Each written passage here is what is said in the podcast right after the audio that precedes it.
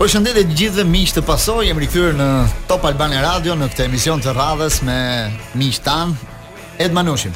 Mirëmbrëma Glend, mirëmbrëma grupi. Lorenzo Mini. Mirëmbrëma Glend, mirëmbrëma grupi. Gëzim Sinemati. Mirëmbrëma Manush, mirëmbrëma grupi. Na mungon Redi Jupi, nuk e di ku ka ngecur sot, po shpresoj ta kapim rrugës. Siç është trafiku. Ti Gëzim do të jesh prezent. Prezent. Në fundjavën, si do të qërim të fundjavën?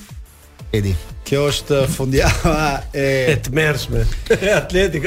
Jo sot e sot gjermanëve, e gjermanëve jo, jo, që ikën para Villarrealit, gjermanëve e gjermanëve të tjerë që shkatërruan Barcelonën dhe Realit Madridit që arriti të djersisë Kante. Kaq për momentin. Shiko, këtë javë thoshin që është java e java ku paraja nuk zgjidh gjithçka, sepse skuadrat e vogla që fituan kanë shumë pak para në krahasim me ujqërit e mëdhenj të ujqit e mëdhenj të, të Europës së futbollit. Lorenzo mm -hmm. Minic vazhdon të hedhi videot në Instagram, çdo gjë pa. Tani kemi kurom. Ja ja kemi marrë atë reklamën Lorenzo Minic. Jo jo jo, po e di se na djeg. Sepse ne gjithë ishin serioz që reklama kjo çështje. Patjetër që na djeg. Që atëherë jemi bërë serioz te reklamat Manush. Jo ti je në fakt edhe je në një sektor që të shkon kjo e reklamave dhe nuk je rastësisht, te ne je njeriu fashion i Pasojës, Për Pasojë edhe te procesi. Po ktheu edhe një herë ke Glendin Albani se edhe ti mendon që paraja është gjithçka. U jo, përmbys jo, ky jo. rregull të paktën në futboll. Villarreali kishte një përfitim vjetor 125 milionë euro. Manchester City ishte 646 që fitonte në vit. Reali 641. Bayerni po prap në këto shifra. Do të imagjinoni, se çfarë skuadre do të skuadra që ka 5 herë më pak nga të tjerat është në gjysmë finale të Champions League-s. Po ashtu edhe në krahun tjetër, të në krahun e Eintrachtit që arriti të bëjë këtë surprizën e madhe dje me eliminimin e Barcelonës. Pa dje po ti ti o fal ti ti je qepur Glend Villarrealit se mbaj mend historinë që na tregove para disa javësh atë të prindërve që shoqëronin fëmijët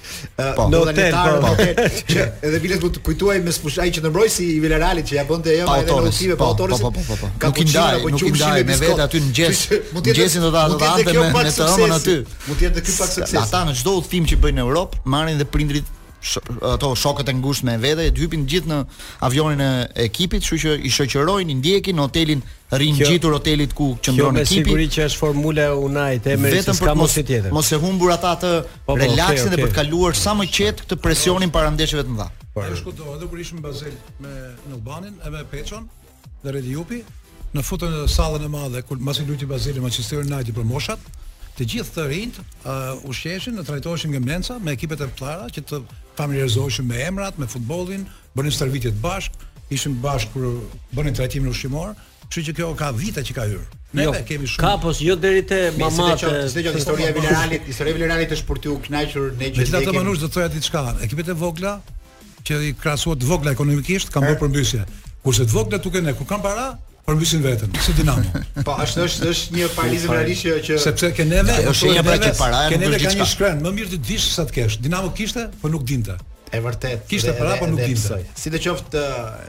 ne njerëzit që ndjekim futbollin prej shumë vitesh është kënaqësi e madhe kur në një edicion si ky në këtë fazë kalon Villarreal. Ajo bëri Championsin e vet. Do përballet me Liverpoolin shumë pak shanse ka. Nuk e di çfarë do ndodhi, por të mos e thuaj. Nuk e di. Të gjithë thanë me Bayernin. Jo, nuk, nuk duhet të thënë më shumë pak shanse ka se ç'u bë me Juventusin kështu thoshin. Nuk i dihet, por të paktën në në në dukje pak shanse ka. Por fakti që është aty na jep ne një kënaqësi që të bindemi gjithmonë shumë e ta themi këtë që paraja. Madje edhe kapiteni apo po s'ishte me miliona si kishte kapiteni, mos e kapiteni. Ne kemi zgjedh kotat mot. Kapiteni i Realit kishte thënë një batutë perlë për mm. trajnerin Nagelsmann që kishte thënë para ndeshjes që Bayern nuk është Juventusi. Dhe ai ishte përgjigjur tani që trajneri i Bayernit ka kohë të rritet. Se është se është vetëm 34 vjeç. Po tani kanë kanë drejt vetes sarkazëm të vërejë.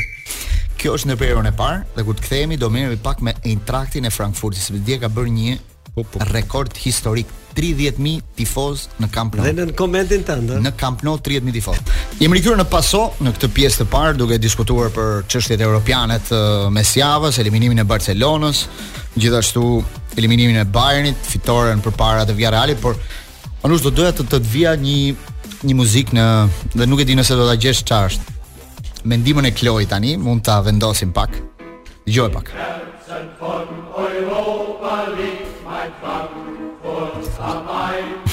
Ta vëmë dhe të Ky është himni i Eintrachtit Frankfurt I cili dje po, I cili dje Dje ka dominuar Camp Nou Sepse 30.000 spektatorë arritën që të shuanin himnin e Barcelonës dhe të dëgjohej himni i Eintraktit që në fillimin e ndeshjes. Dhe Barcelona thonë që kur ka dalë në nxemje dhe ka parë atë lukuninë e bardhë të tifozëve që aty është trembur dhe ka kuptuar që kjo nuk qenka ndeshje në fushën tonë, ne po luajmë në fushë kundërshtare prapë. Dhe himni, fjalët e himnit thonë, fjalët e himnit të Eintraktit. Disa nga pjesët thonë, Disa duan të dashurat, thotë. Disa duan sportin, thotë. Ne i betohemi Eintraktit me fjalën e nderit se do ta ndjekim kudo në stadiume të tjera. Është e shkruar në himn. Po, po, po. Do të jemi gjithmonë krah tyre në çdo stadium të Europës dhe kjo s'do ndryshojë kurrë. Për këtë jemi të gjithë dakord.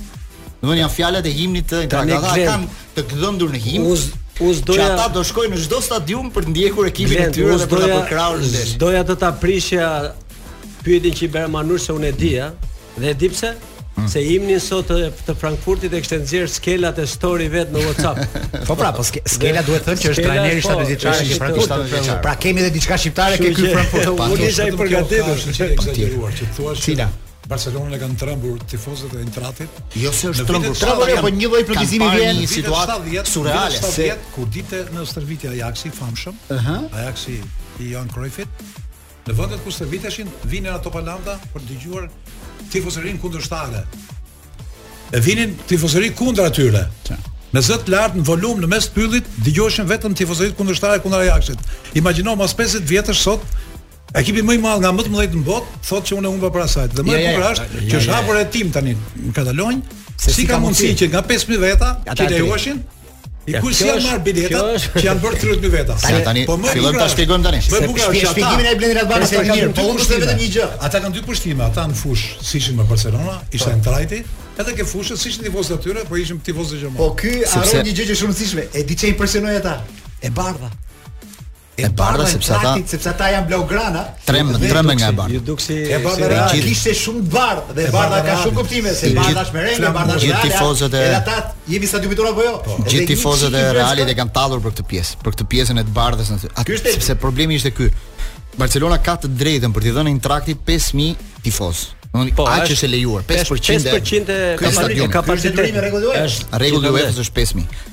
Ata kanë parë që unaza e tretë ose kati i tretë i Camp Nou ishte i gjithë i bardhë. Po përveç saj kishte njolla pa fund në të gjithë sektorët. Dhe problemi ishte që kishte edhe në tribunën e nderit. Tifozat e Eintrachtit dhe kjo ishte e pabesueshme për ata. Kjo si dhe si çfarë ka ndodhur. Kjo presidenti hyr e dil hyr e dil dhe po s'i dilnin llogaritë. S'i dilnin llogaritë, çfarë ka ndodhur. Kjo është një gjë tjetër që ata janë përgatitur për të fituar ndeshjen. Si mund vin trut me pra çfarë kupe manush. Ka një rëndësi po ai kupe çfarë kanë bërë ata.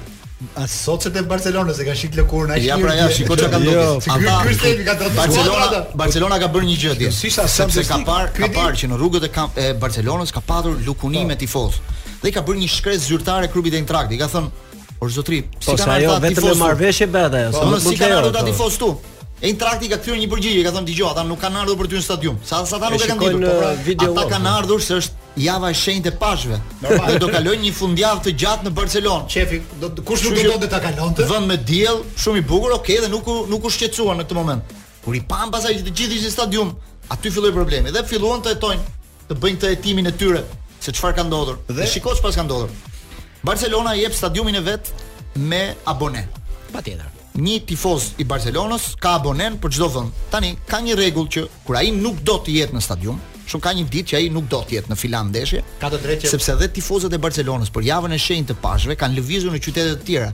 Se ai ka thënë, do lëviz që të njëjtë. Po po po sa po çfarë bën ata? Shiko çfarë bën. Ja e palës tjetër, jo, jo, jo, nuk kanë nuk e kanë shit ata, shih ç'bëjnë. Kanë bërë një marrëveshje me klubin, që është marrëveshje që ka disa vite që ekziston, që ata ja kthejnë vendin klubit. Dhe klubi menaxhon Dhe klubi e menaxhon e shet prap biletën po. dhe lekët e biletës ja jep tifozit. Domethënë i shkojnë në llogari atij po, për një filan ndeshje. Klubi tani nuk i shet vet.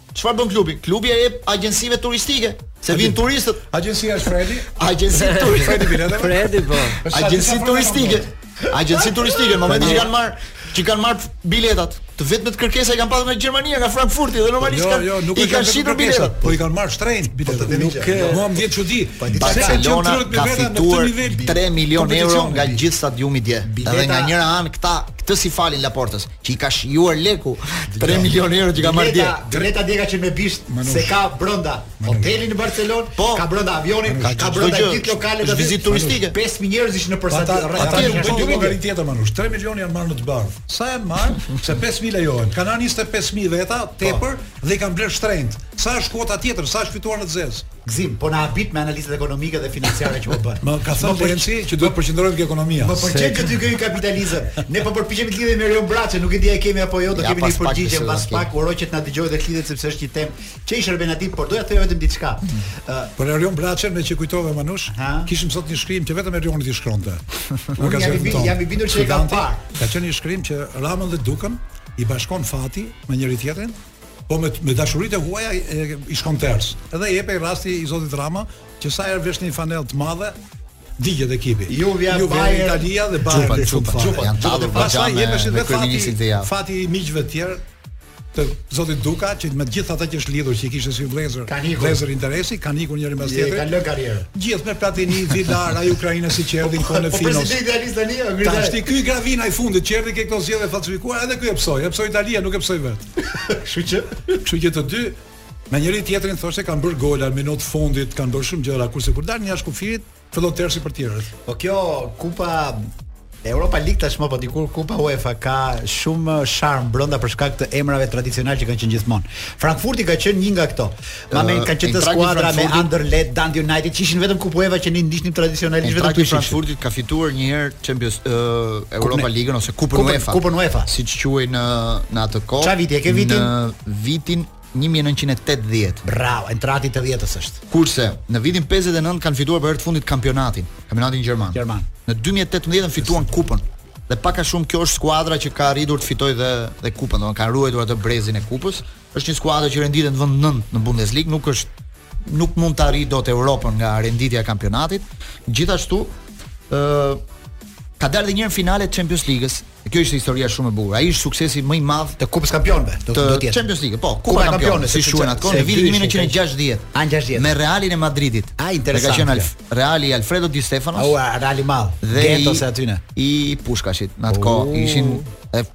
Reali më duket fitoi 5 me 0, ka bërë një ka qenë koha që Reali ka marrë 6 kupa, 4 kupa rresht. Për ata eliminimi i Barcelonës i bie këtë javë ishte një sukses i, i jashtëzakonshëm. Ata e quajnë një ndeshje historike dhe për këtë arsye tifozët nuk donin të të mungonin te kjo histori. Po ka dhe një detaj shumë interesant Lorenc, edhe për ty që merresh pak me këto. Problemi dje nuk ishte që ishte i mbushur stadiumi me 30000. Puna ishte se Barcelona nuk siguronte sigurinë e tifozëve të vet karshi gjermanëve.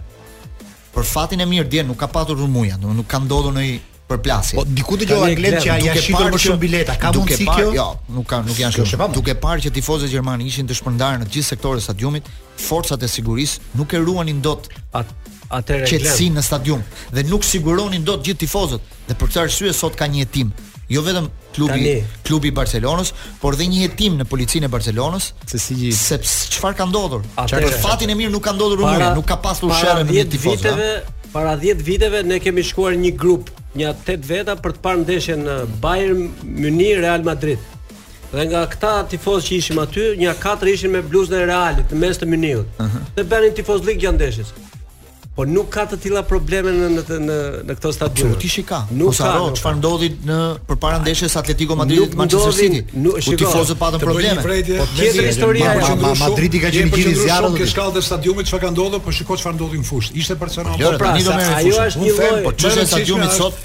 Ka qenë çështje e ditës. Dhe Musazhin Barcelona është luks. Është një klimë tjetër ajo e Atletikos në krahasim me Barcelonën dhe Frankfurtin. Ata e shikojnë situatën dhe delegatët e UEFA-s që janë aty. Mos kujtoti se i kanë lejuar kështu kuturu tifozët. Jo, ka diçka, tifozët e skuadrave që lëvizin, do më falni për shprehjen, po në kope janë gjithmonë problematikë dhe kërkojnë masa shtesë sigurie. Patjetër. Ki parasysh ata janë të rinj, kanë pirë alkool gjithë ditën dhe këta në stadium po e pyete gjithë jetën dhe kudo janë të lokalizuar me steward të veçantë. Kur ti shef njolla të bardha të shpërndara, po, ti je tradicional me familje gjën. Ke ka një lloj pasigurie. Ky është ky është momenti. Te siguria ata nuk e garantojnë. Këta këta nuk janë anglezë as holandezë. Por ndeshjes more, ajo rëndësi ndeshja jo. dje, nuk e kishte rëndësinë e Atletikos me me me Manchester City. Manush, Kjo që ka ndodhur. Se di, ishte më e qetë. Kjo që ka ndodhur në Camp Nou është domethënë një turp i madh, një turp i madh për një stadium që është tempull, që mban sa qytetet. Ka qytete, 90000 ka dhe qytete që mbajnë më pak banorë. Ai është një stadium qytet me 90000 veta brenda.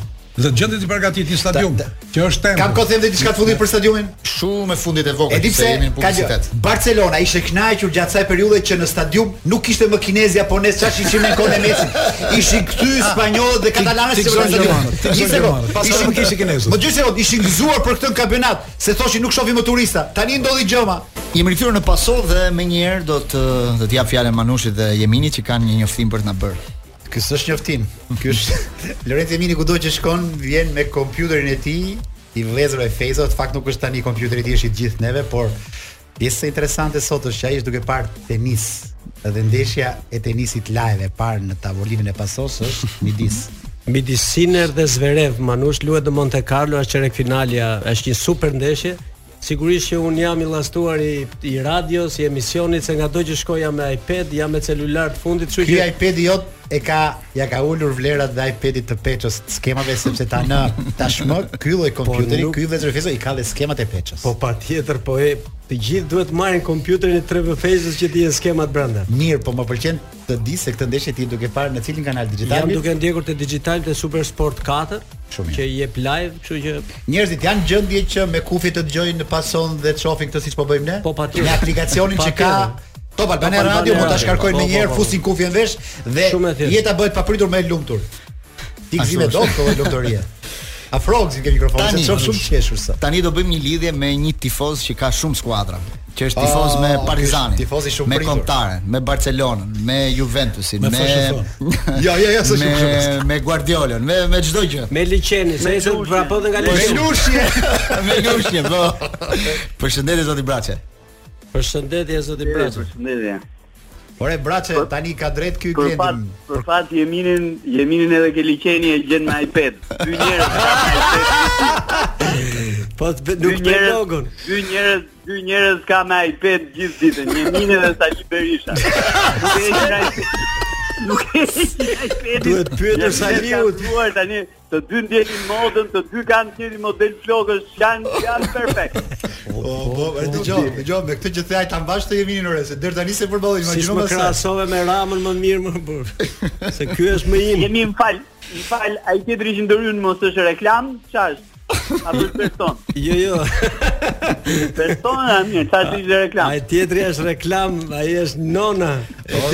Zoti Braçe ka një pyetje që na erdhi direkt nga Facebooku. Tani që s'është Partizani, tani që s'është Barcelona, tani që s'është Juventusi, për kë bën tifozlik Erion Braçe deri në qershor? Për Partizanin, për Juventusin, unë s'e ndërroj xhupin asnjëherë. Ka ka kush e ndërron xhupin? Ka kush e ndërron xhupin? Ka kush i merr më qafë ekipet? Unë unë vetëm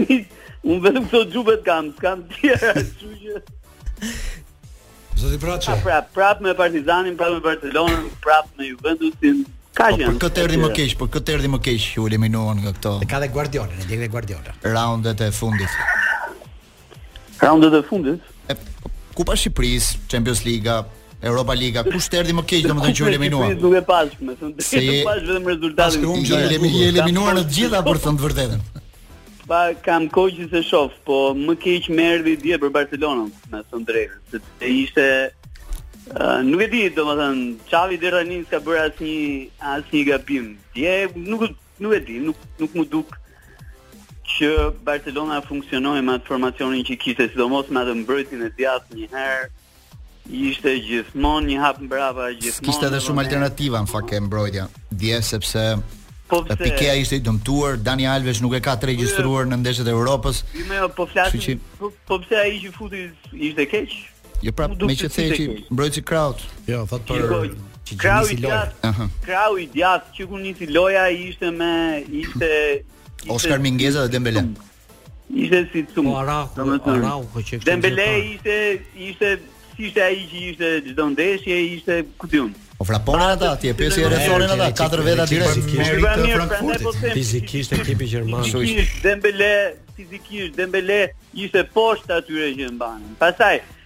Gjithë kanë filluar kanë mësuar këtë futbollin italian. A e pe që edhe këta luanin me luanin me 10 veta mbrapa. Pesë mbrojtësa po ashtu ishte. Edhe ata luanin me 10 veta mbrapa, por ishin shumë efikas në kundërsulm sepse mbrojtja e Barcelonës ishte shumë ngadalë. Gjithë Barcelona. Po Kostic edhe është Kostic është super lojtar. Graçi edhe Manchester City bleu autobusin e Atleticos këtë herë. Po i ndron rolet, i ndron rolet.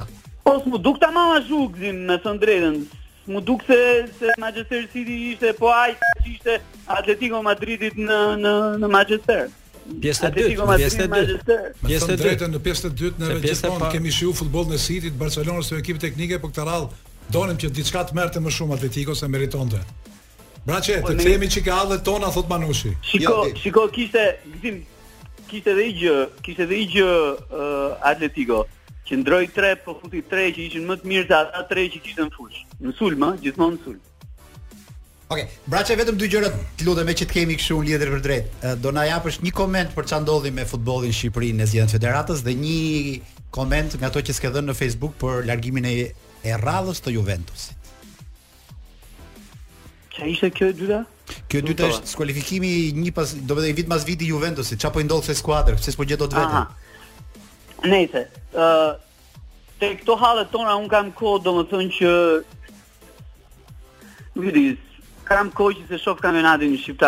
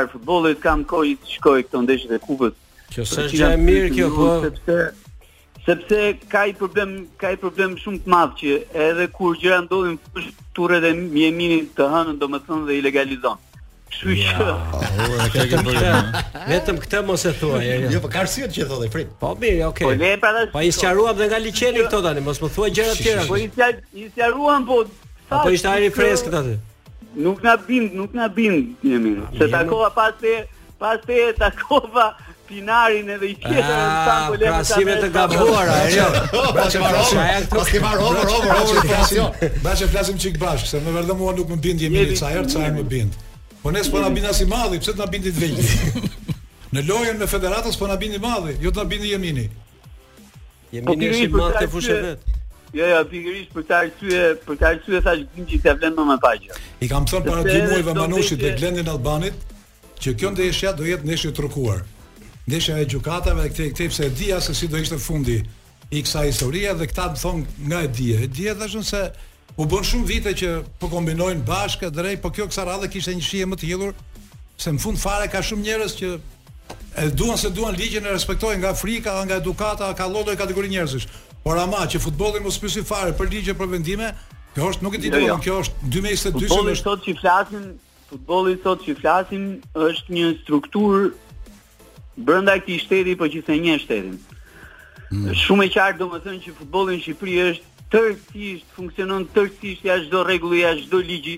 Ka ndërtuar atë botën e vet të rregullave atje, të buxheteve atje, Dhe natyrisht merret menaxhon atë pjesën e vet. Ajo që mua më shqetëson ka lidhje me politikën, ka lidhje me këta burrat që harxhojnë paratë e tyre për të financuar futbollin. Si këta, nuk arrij ta kuptoj, si këta vijnë në rresht. Janë gjithë burra që në atë fushën e tyre, me atë gjë që kanë prioritare, ekonominë e tyre, biznesin e tyre etj. me radhë, nuk ju del dot kërkush që t'i fusin në në rresht.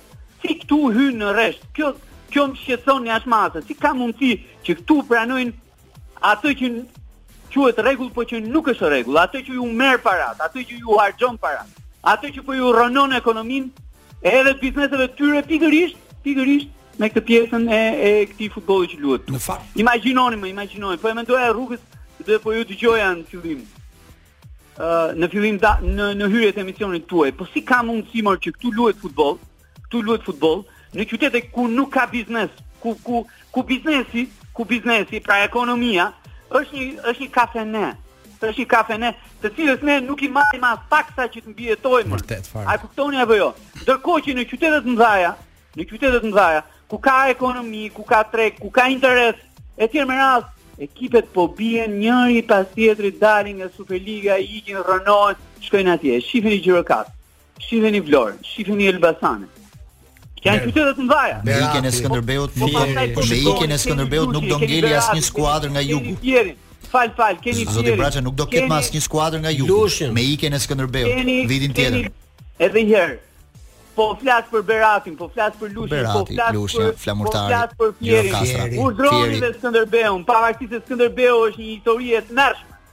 Është një histori e tmerrshme, lexoja mesazhin e mesazhin e, e tifozëve të Skënderbeut po, dhe thash po. dhe thash ja u kam thën do vinin këtë ditë. Është njësoj si historia e piramidave, kur fitonin ato titujt në seri, titujt në seri i kam thën shqip, kam shkruar dhe kam vendosur status ku thosha është si historia e piramidave. Tani ju pëlqen, po merrni ato Po merrni ato këstet, po merrni ato interesa e tjera. Po do vi momenti, do vi momenti që do bjeri e gjitha e do mallkoni ata që ishin krye të piramidës. Ja ku erdhi dita. Braçe ja të ndërpres një sekond, se Manushi bën tani sikur na jep të drejtë ne. Pas nesh ka qenë krahu tonë. Shumë vite kanë mbushur studion plot me korçar dhe me korçarë të të trukuar, jo me korçar që kishin mendjen e kthjellë, mendjen e lirë. Oxim, oxim lutem tani. Tani dhe tani Manushi thotë na ka dhënë drejt, po i kanë dhënë Manushit. Trukimin i ndeshjeve ishte gjë e vogël, ata trukuan qytetin. Ma thot agjencia publicitare që jemi në kulmin e sherrit, po na ndjek gjithë Shqipëria, kështu që jemi detyruar të ndërpresim për reklamë. Ja, shikon sot. Nuk është reklamë më burrë tash. Zoti Braçe, na le të bëj një përgëzim. Dhe realisht na vjen nga zemra kur shkojmë Divjak, shohim atje gjëra dhe dimë që mbas atyre gjërave atje të vogla simbolike dhe më. Jo, jo, jo shoh shoh rrugë, shoh gjëra të bukura dhe më thon gjithë që këtu mbrapa është Braçe. I ka dhënë restorant javën e kaluar. Energjike nuk e ka si gjë. Ishte ishte jo, gjithashtu shumë super, kështu që ne do donim të kishim gjëra të tjera edhe si këto këtu. Kështu që ej, ne falenderojmë për po, të lidhur. Braçe, të lutem, bëj një pyetje të fundit. Ja pse jo, ja kemi një minutë.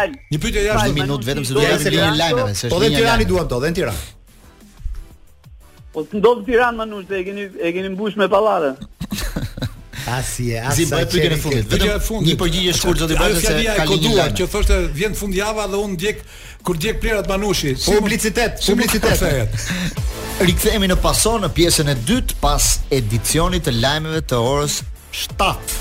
7 e 7. Jemi gjithë jetën në kërkim të shtatës dhe sot kemi dy shtatat. Janë shtatat e famshme të Jute Credit. Në fakt ora 7:10, por ne e konsiderojmë 7 e 7 minuta sepse një gjë është e rëndësishme, në vetëm 7 minuta aplikoni në Jute Credit për kredinë e parë, përfitoni 0% interes. Bli çfarë dëshiron dhe mbaro punë me Jute Credit, kështu që më mirë se Jute Credit askush nuk do i shkonte pasos dhe ky njeriu me cilin e kemi lidhje tani do jetë i shqetësuar për kompjuterin e tij që që mori ka rivalitet fort me kompjuterin. Përshëndetje. Përshëndetje Glendi, përshëndetje gjithëve. Përshëndetje. Dëgjo, je kujtuar, nuk e di a të ka zënë lemza sot apo jo? sepse iPadi i Lorencit ja kaloi iPadit tënd, kështu që nuk e di tani çak, nëse nëse ke ndonjë përgjigje. S'e besoj më duket duket e pamundur. E mira, është, e mira, është, është e mundur, është. E mira është që edhe mund të jetë e mundur, po s'është ky problemi, problemi është Peço. Peço tregoje një anekdotë të bukur Peço. Që se dhe kjo si anekdotë është që iPad-i këtij që ka më i mirë se ane- iPad-i jot. Isha me i shok duke ecur sa kishte hyrë në modë shitja e misrave. Misër këtej, misër andej, misër andej dhe më kthehet ai shoku gjithë frikë më tha, më duket se po ja fut misri bananës. tha. edhe edhe unë kam frikë që s'ja ka fut akoma iPad-it. Peço po veç që jemi në lidhje të drejtë nga Zvicra dhe ky është njoftim për gjithë shqiptarët që duan Top Albania Radio në Zvicër. Kanë aplikacionin e Top Albania Radios, mund ta shkarkojnë dhe realisht të dëgjojnë Gjithë ditën, jo vetëm Pason e ditës së premte në orë 6, por gjithë programet e Top Albania Radios. Ne sot jemi me ty dhe ti e di për një analizë mbi atë që ka ndodhur Champions League. Jo, unë do doja të të thoja diçka në lidhje me çiftet njëherë. E para, Liverpooli do luajë me Villarrealin në raundin tjetër dhe Real Madrid me Manchester City. Në Europa League do të jetë West Ham me Eintrachtin dhe Rangers me Leipzigun. dhe në Conference League, Road to Tirana, Road to Tirana, pra, finalja në Tiranë do jetë Leicester Roma, Leicester City Roma dhe Feyenoord Marseille. Të katër, dy nga këto katër skuadra do jenë në Tiranë në fundin e majit për të luajtur në Air Albania finalen e Conference League në këtë edicion të parë. Ne s'dim për për këtë për këtë do të bëjmë tifozë ditë. Përpara se ta pyes Peçon se çfarë i ka bërë përshtypje gjatë kësaj jave europiane, do të thoja një kuriozitet mbi Modric. Modric me atë goditjen me të jashtmen, me të jashtmen e pason ai. Ë uh, këtë goditje e ka e ka bërë që në kohën e Tottenhamit, dhe po të hysh në YouTube gjen 5 minuta, 5 minuta në çdo skuadër ku ai ka qenë që ka vetëm kështu goditjesh. Por këtë goditje i pari e paska bërë një hungarez. Dhe hungarezi quhet nuk e di nëse e ke dëgjuar ndonjëherë, por shumë vite më parë, Janos Hajdu.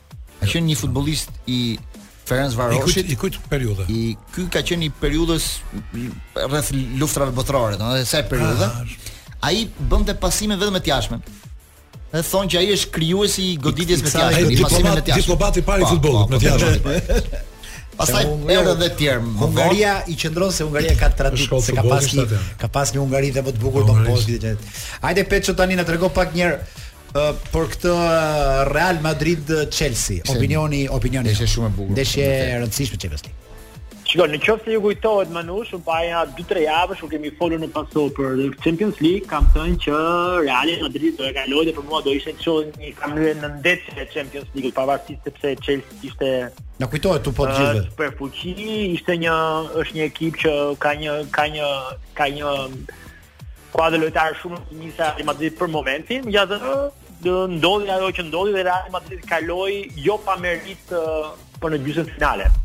Sigurisht që guri kryesor ishte ndeshja ndeshja në Londër ku Real fitoi ku Real fitoi 3-1 me një pjesë të parë shumë shumë të mirë, me një pjesë të parë shumë të dobët nga ana e Chelsea, madje edhe Tuchel e pranoi vetë që ishte nga ndeshja nga pjesët e para më të dobëta që ka bërë ekipi i tij dhe reagoi faktikisht ndërroi dy lojtarë në pjesën e parë që zakonisht nuk është një nuk është një gjë normale për një ekip të madh si Chelsea ose edhe për ekipe të tjera të mëdha. Kështu që Reali gurin e parë vuri në në Stamford Bridge këtu të parë me 3-1. Chelsea reagoi shumë fort, nuk e prisja me thënë të drejtën që të shënonte 3 gola. Shkoi 3-0. Këtu iu anulua edhe një gol. Nga këtu nisi analiza nga 3-0 që e bëri detyrën.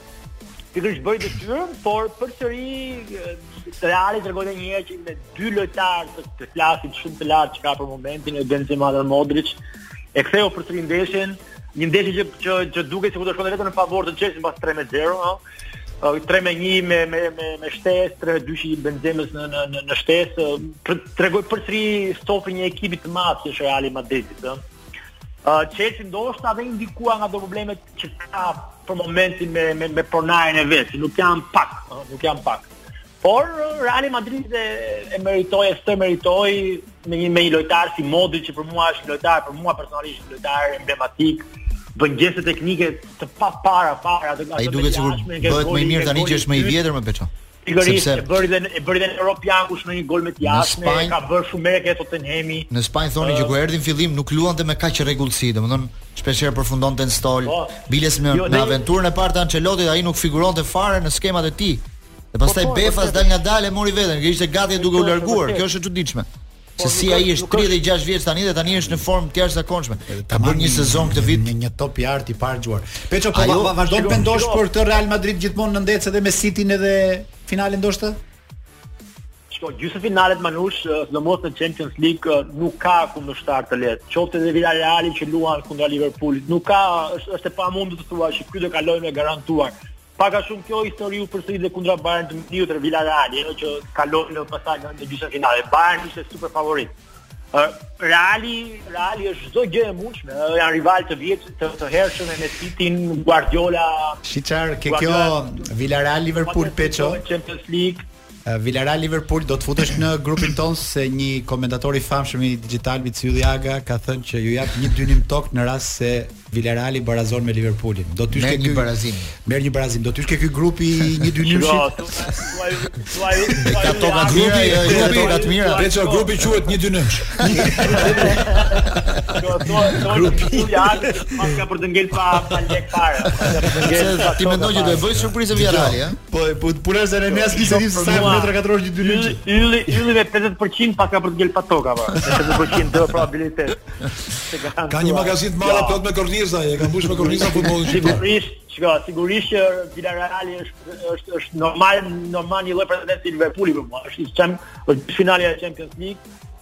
Ka një trajner shumë ekspert në mbrojtje, që Liverpooli në një farë mënyre është ekipi që i shkon më tej për shtat për të luajtur në kundërsulm dhe këtë nuk do ta ketë avantazh me Villarrealin që ka për të ka për të mbyllë mbrapa ka për të mbyllë mbrapa plus një inter, një gjë interesante për Villarrealin kulmin e vet ka arritur gjysmëfinale do jetë i lirshëm për Villarrealin pretendon ë se po, nga që nga viti 2000 po, po, ka një president 74 vjeçar që quhet Fernando Roig Ai është bosi i supermarketeve në Spanjë. Ka një linjë supermarketesh në të gjithë Spanjën që e ka shtrirë që nga viti 77.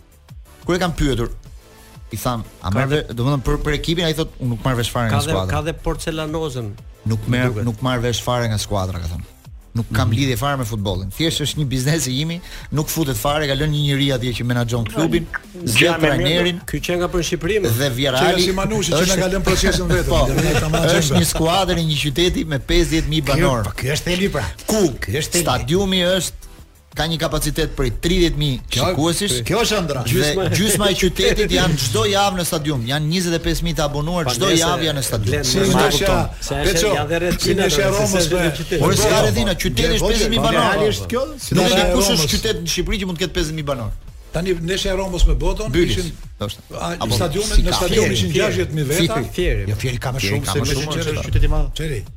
Glezo.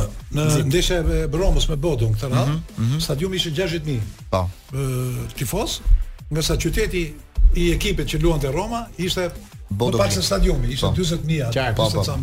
Shumë ja, ti është ftohtë pak shumë. Villarreali është. Peço po kishin një detaj shumë të bukur Peço kur ishte 3-0 që e mori përballë Chelsea, e mori përpara. dhe që nuk po ndalej.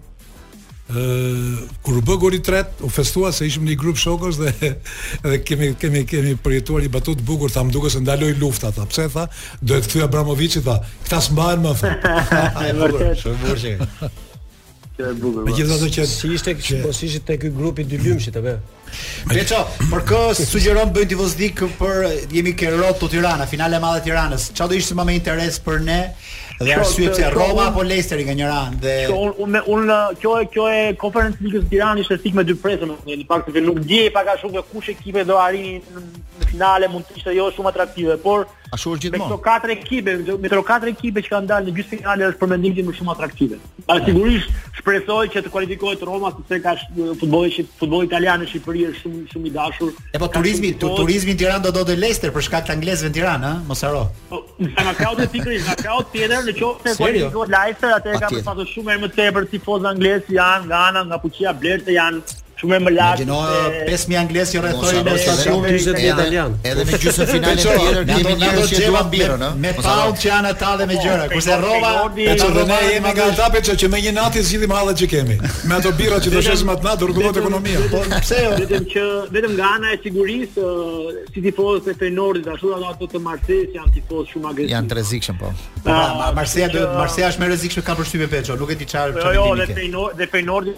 shumë po, rrezikshëm janë. Shumë të rrezikshëm. Po flisja gjatë javës me një të njohur po, tonë tifoz i Romës.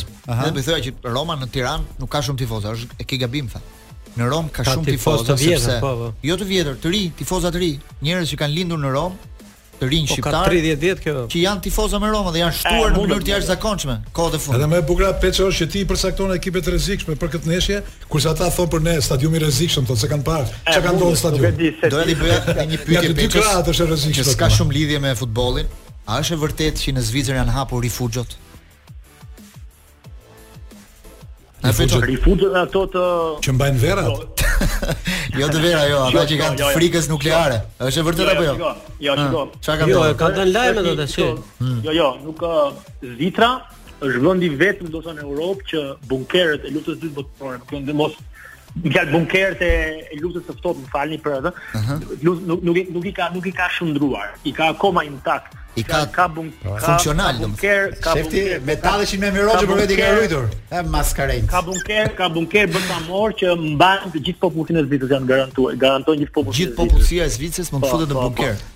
Këtë që siguruar ne para 30 vjetësh sa sot ka Gjermania, Gjermania, shkatërroi fortifikimet. Gjermania i ka nuk, nuk i ka humbur nga viti 2002 lexova diku sepse Italia, që... Italia ka një në Verona dhe po zihen kush futet i pari, se një kanë ka bërë afi, forcat amerikane atje, e kishin bërë për muze dhe po e pastronin para ca ditësh.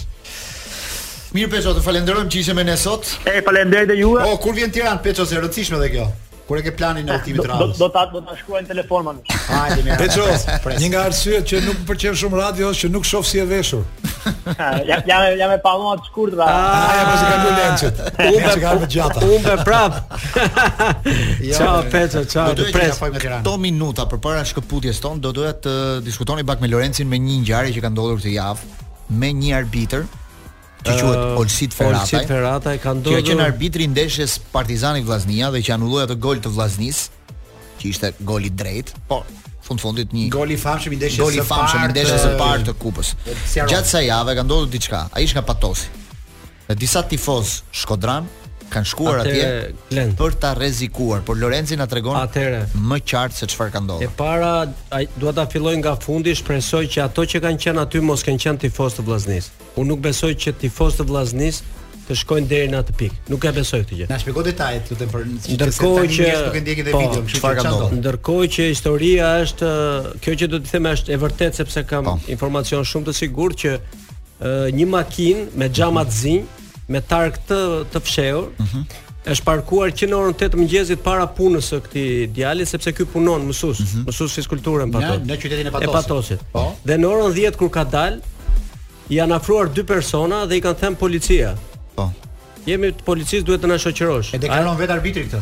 E deklaron. Duhet të vish bashkë me ne. Duhet të vish bashkë me ne. Mm -hmm. Ai e ka kuptuar sepse shikon që njëri mbante shkop gome kurse tjetri mbante levë.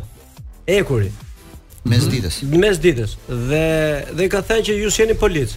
Po. Në këtë moment njëri nga këta ka nxjerr një spraj nga këto që mbajnë për të të verbuar. Ëh. Uh -huh. Dhe ia ka drejtuar në fytyrë dhe ai është shmangur, ka vënë dorën dhe nuk e ka kapur dhe ka vrapuar. Wow. Ndërkohë po, kjo është ngjarja. Kjo pjesa e vrapimit vetë është kapur nga Kjo është kapur dhe nga një nga një tjetër që këtë sepse kanë qenë të organizuar, kanë qenë uh mhm. -huh. jo dy, kanë qenë më shumë se sa katër veta. Më shumë se 4 veta. Po, dhe fati i atij që nuk e kanë ndaluar se do ta kishin, besoj që do ta kishin goditur dhe do jepnin një mesazh sepse ata kanë vajtur për një të dhënë një mesazh aty.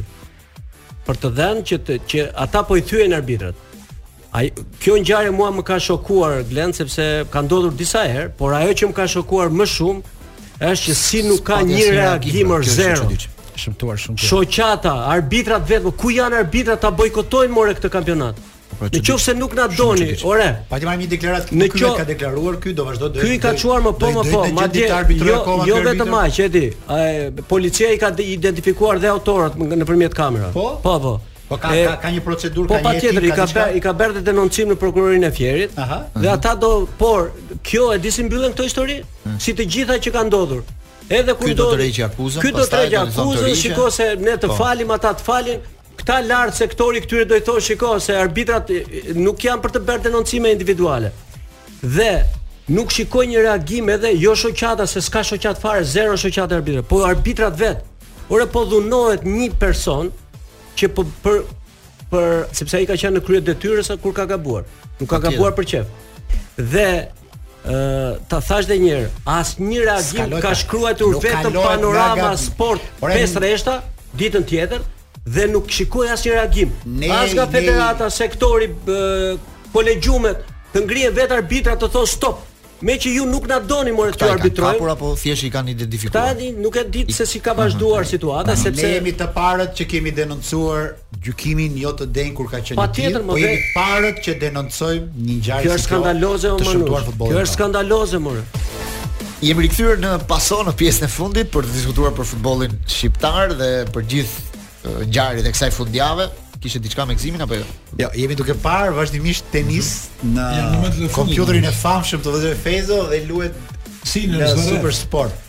Sa është rezultati? 1 me 1 me sete dhe 5 me 5 me, transmeto, transmeto, po. 5 me 5 me geme. Po tani tani kjo histori kemi dashur historia e tenisit tonë. Afro tani aty dhe na thuaj 2 minuta histori shqiptare dhe Pasoja e ka tamam këtë. Ky Glendi Nallbani që është këtu me neve, është një nga gjyshërit e tij, a stërgjysh, Glend? Sali, Sali Nallbani, kushëri i largët, po. Sali Nallbani, po, që ka krijuar tenisin nga pjesa shqiptare. Po. Dhe sot luhet tenis në dy fusha ndërkohë në në në Paskuqan në turne ndërkombëtar. Në Paskuqan dhe këtu luhet over 35 më thuaj Glendo. Po, over 35, po. Është një turne shumë i bukur. Është shumë interesant, është turneu që i tregova tani Glend, Çimit, mhm. një turne që bëshin atëherë bllokmenët, Manush, ishte Ramiz Alia, aha, një turne ping-pongu, ishte Hekuran Isai, ministri i Brendshëm, po. dhe Mehdi Bushati si shef i sportit. Këtë na ka treguar në galeri Mehdiu diçka, vazhdo. Dhe kur luante Mehdiu me Ramizin, topat ia jepte drejt. Po. Drejt edhe çik lart që të zhyste shefi. I zhyste mirë Ramizi. Po. E ndërkohë e mori koncesionin që i duhej atë shoku, te Dinamo. Që kur mësoi dorën me, ia mësoi dorën me të zhyt Ilir Metës kur lunte ping pong. Ja çonte lart, që ta zhyste. Dhe po, thoshte bravo, ishte bravo ne kishte vet. Dhe lujti tani Mehdiu me Ramizin dhe ia ngrinte lart, ai e zhyste. Kur lujti Mehdiu me Hekuran Isain, i fuste të preme. Po, me spin. Edhe se ka spin, fals, fals, fals. Çfarë i bën topit ti, tha? Që vjen kështu me hile, tha, kurse ke shoku Ramiz shkojnë drejt topat. po shoku Ramiz dha kompleksin pas, vetë kompleksin Dinamo, që... ish kompleksi Dinamo. Që kompleksin Dinamo e morën. Se dikush tjetër që luante tenis më mirë pastaj e ktheu në shpinë e futbollit si quhet ndryshe tani. Mirë, meqë jemi, jemi që jemi ke kuriozitetet, kjo që thotë se Glendi është modest nga natyra, po kjo qenka dhe më e bukur që Filmi i famshëm Skënderbeu, kupa me të cilën Skënderbeu pi verë ose ujë, nuk e kam parë. Është një diçka, një kështu. Ajo kupë qenka një kupë e fituar në turne ndërkombëtar tenisi nga nga Sali Nallbani. Nga Sali Nallbani. Filmi është bërë 50-60, filmi është luajtur. Dhe dhe dhe tenisi në Shqipëri datoka nga vitet 30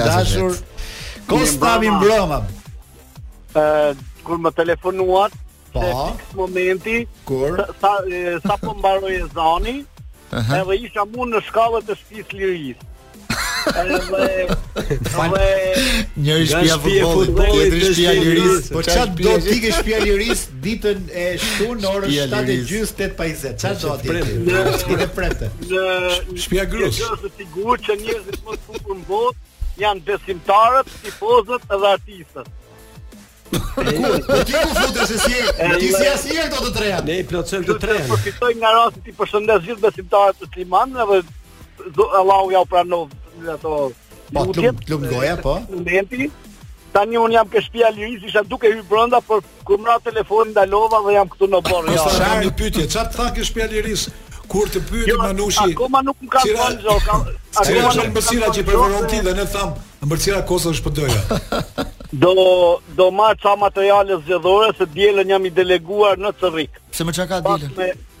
Po janë janë zgjedhje për kryetarin e PD-së Cërrikut. Mos ja fut. Po, dhe jam i deleguar nga Mamurrasi në Cërrik. Ka, po ti je i dërguar atje si njeri që nuk njeh palët, që je mbi palët si shkon ti nga Mamurrasi në Cërrik. Çfarë filozofie ka ky tras, kjo transfer? Unë jam në në statusin e Lorenc Jeminit, jam arbitër. Bravo jo. Kosta. Po Lenci di si është arbitër. Edhe të grindën e po ti të grindën. Me këtë krahasim na kënaqe, kam frikë shumë nga zarfet e tua aty. Jo, jo, Kosta. Kjo është rigoroza, është rigoroza. Mba kokën lart. Kush është? Jo, Çfarë përballje është? Ka një një dy meshkuj, një gocë, një kështu dy dy zonja, kush është në përballje? Janë një janë një katër kandidatura. Po. Me thënë drejtë nuk i njoh asnjërin nga ata. Po. Më mirë që nuk i njef. Unë jam bash pjesë e komisionit, se jemi disa vet, domethënë nuk jam vetëm unë. Po si ti ja le një një weekend nga ato të shenjtat e tua, ja dedikove shpisë së lirisë, do ikësh atje ditën e diel, do heqësh drekën tënde të famshme të të dielës? Ne kemi gjithë jetën që që merremi me Partinë Demokratike, jo jo një të diel. Atëre, meqë jemi këtu dhe s'na dëgjojnë gocat. Midis Alesias, Beniadës dhe Eriolës, për kët pyesin më shumë. Ma thuj me sinqeritet se asnjë s'dëgjon tani.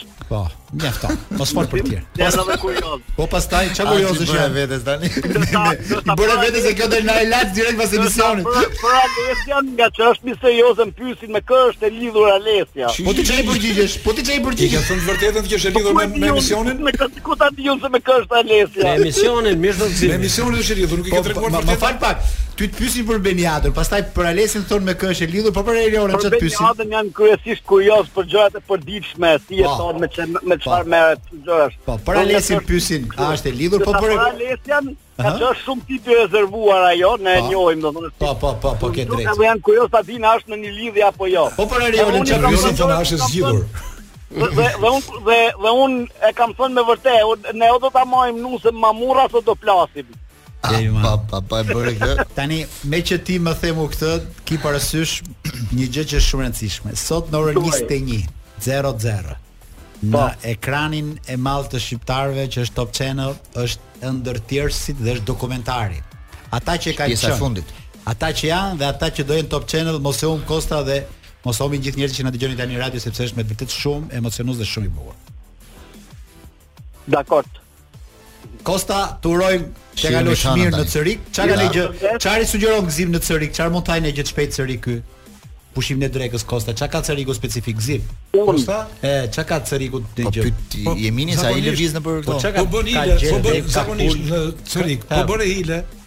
Ke këto ha dru. Kemi jo, më një botë. Po, ja, ja, jemi një dru. Jepi një, jepi një sugjerim turistik, më ça hahet në këtë zonë. E atje në Belsh e di që ka edhe peshk, edhe pulë edhe gjëra në Belsh, që është afër Cërrikut. Ka gjela deti më Cërriku ka. Sa shkoa, sa shkoa, sa shkoa gjela. Atë zogj, zogj fshati, zogj fshati. Zogj fshati. Ne jemi partia demokratike, nuk kemi balli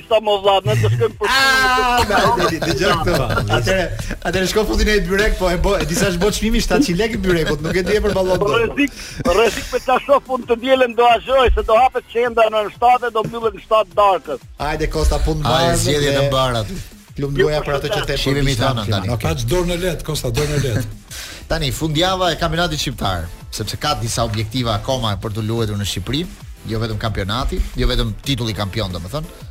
Luhet Egnatia Tirana ditën e shtunë në orën 2 pa çerek. Po ashtu, të shtunën në 2 pa çerek Kastrioti Kukësi. Kukësi. Këto janë dy ndeshjet e të shtunës. Të dielën Laçi Dinamo në 2 pa çerek dhe në 5 pa çerek Teuta Vllaznia, shumë ndeshje interesante dhe Partizani Skënderbeu Po në orën 5 pa një çerek. Çfarë do ndodhë me Skënderbeun dhe Dinamon jam Interesante tani është. Ça pyetje për Lencin. Se më duket çudia më e madhe e botës. Pse finalja e kupës në Shqipëri luhet mbasi ka mbaruar çdo gjë? Ja, biçim është kjo në fakt, sepse edhe nuk e di a ka ndonjë kampionat tjetër pse pse pse pse nuk e di a ka ndonjë kampionat tjetër në Evropë që ka këtë të gjitha për shumica e vendeve europiane po. e luajnë në fillim të majit. Tani shiko. Maksimumi mesi i majit. Kjo ka një kjo ka një çudi sepse finalja e kupës në Shqipëri cakton shumë gjëra. Cakton një vend europian. Cakton një vend europian. Se trofeu nuk është se ka shumë vlerë. Nga trofeu fitohen, mos gaboj 50 milionë lekë të vjetra. 50 milionë lekë të vjetra, po. Por është pjesëmarrja e Kupës së Evropës që merr në Conference League. Po. Tani gjithë problemi qëndron që kur shkojmë deri te finalja, aty pastaj ja është edhe kristalizuar dhe kampionati. Është mbyllur kampionati dhe aty vendoset shumë. Ta jo ndeshje. Ta jo ndeshje vendoset shumë. Qoftë se një ekip Ka zënë vendin e dytë apo të tretë e ka shumë kollaj që Për shembull, mor Edi, ja të ta shpjegoj kollaj. Ja të shpjegoj kollaj. Ja të ta shpjegoj kollaj. Nuk shoh një gjë. Më dëgjo më shumë. Ato tre janë skuadra që do ndajnë gjithçka. Në qoftë se, më dëgjo, në qoftë se finalja fiton Vllaznia, Qartë. Në Europë shkojnë vetëm tre vendet e para të kampionatit. Pra, ekipet që kanë mbetur në garë, po, Laçi, fiton Laçi marrin pjesë Partizani ka... luftojnë për treshen e parë, për dy vende, për dyshin dhe treshen. Qartë. Në qoftë se fiton Laçi, Laçi marrin pjesë katër. Marrin pjesë katër, hyn dhe një skuadër e po ka, e tretë domethënë. Shiko, katër. Po mirë, kjo kjo është në në total në favor të futbollit. Në total katër marrin pjesë, pra. Ideja është vjen nga kampionati. Po pra, po. Skuadra europiane apo vjen nga kupa? Kjo është çështja. Flas super sporti zakonisht e bëjnë ekuacion. E bëjnë shumë të vështirë me shumë pikëpyetje që jo, njerëzit vrasin trurin. Në fakt kupa di si është Manush, kupa është si ajo biseda që kemi bërë Europa kemi kërkuar. Ferdinand Dedet. Ti tha Ferdinandi. Po gazetari tha kush e fiton këtë radhë tha kupën. Kampionati shqiptar. Ka kupën ose kampionati kush e fiton? Mali Ferdinand Dedet. Na thuaj thashë kush e fiton festivalin, tregomë kush e fiton këtë. Ata kupën zakonisht ky që organizon kupa e ka ndarë. Është si kupa Ajo kupa e Skënderbeut ishte me verë ke filmi, ky e ka kupën Gotiti Lugçorp dhe ke për tërë jetën. Kështu që mos bëj shumë ekuacione se zakonisht kupa është e paracaktuar. Ne tani sidoqoftë kemi final në Kupën e Shqipërisë kemi Vllazninë me, me Laç. Laç, që është një ndeshje që do luhet mos gaboj 31 maj, ndoshta nuk e di, fund maji. Kur ka mbaruar gjithçka. Kur ka mbaruar gjithçka. Ne do çdo gjë pasqyrojmë se kampionati tani është për vendin e dytë dhe vendin e tretë. Ku janë në lojë? Ku janë në lojë Laçi,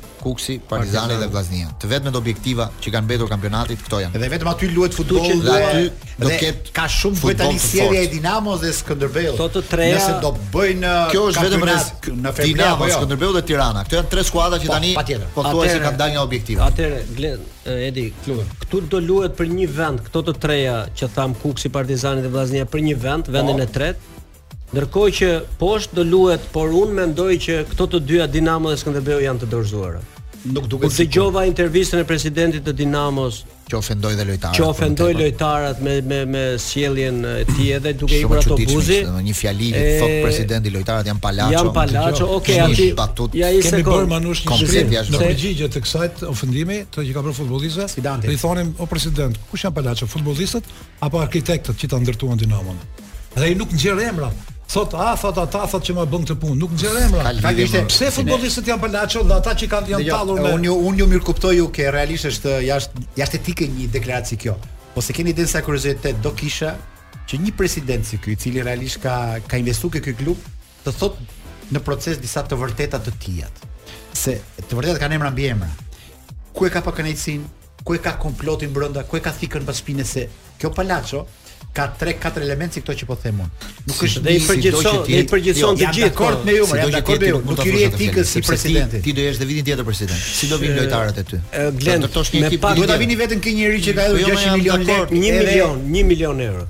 Qoftë se i ka shkuar një faturë të tillë, kosto Dinamos rreth 1 milion euro. Janë 1 milion euro që janë marrë në përkëm, po, domethënë është diskutim. Ka një padrejtësi aty nga një Ore mund të jetë i gjithë sistemi që ka i gjithë sistemi dinamo që është jo, jo, edhe nga sistemi i futbollit shqiptar me të cilin ai u përball. Ai tani patjetër që u u e kuptoi se çfarë këtë duhet të kuptoj. realiteti ka hyrë. Këtë duhet të kuptoj. Duhet të tjetër. Por në rast se ti thon që fal pak, po ky 1 milion shi, duhet dash 150 mijë për arbitrat, 150 mijë për ato që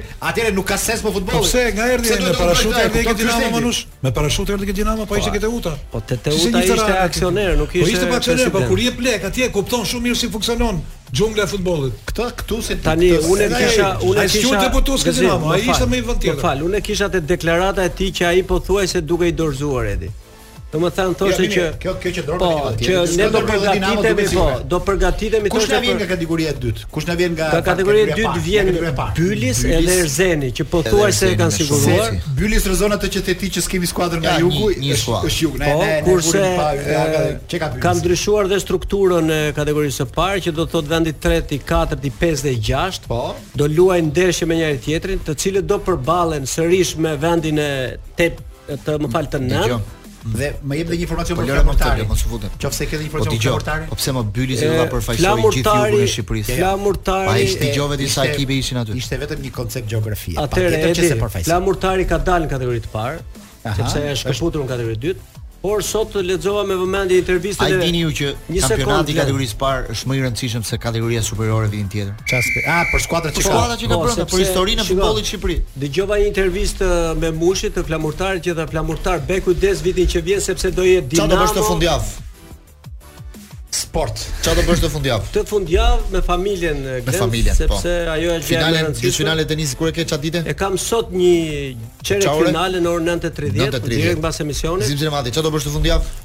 Unë kam blerë një biletë për ndeshjen e Valencës më të shtrenjtë.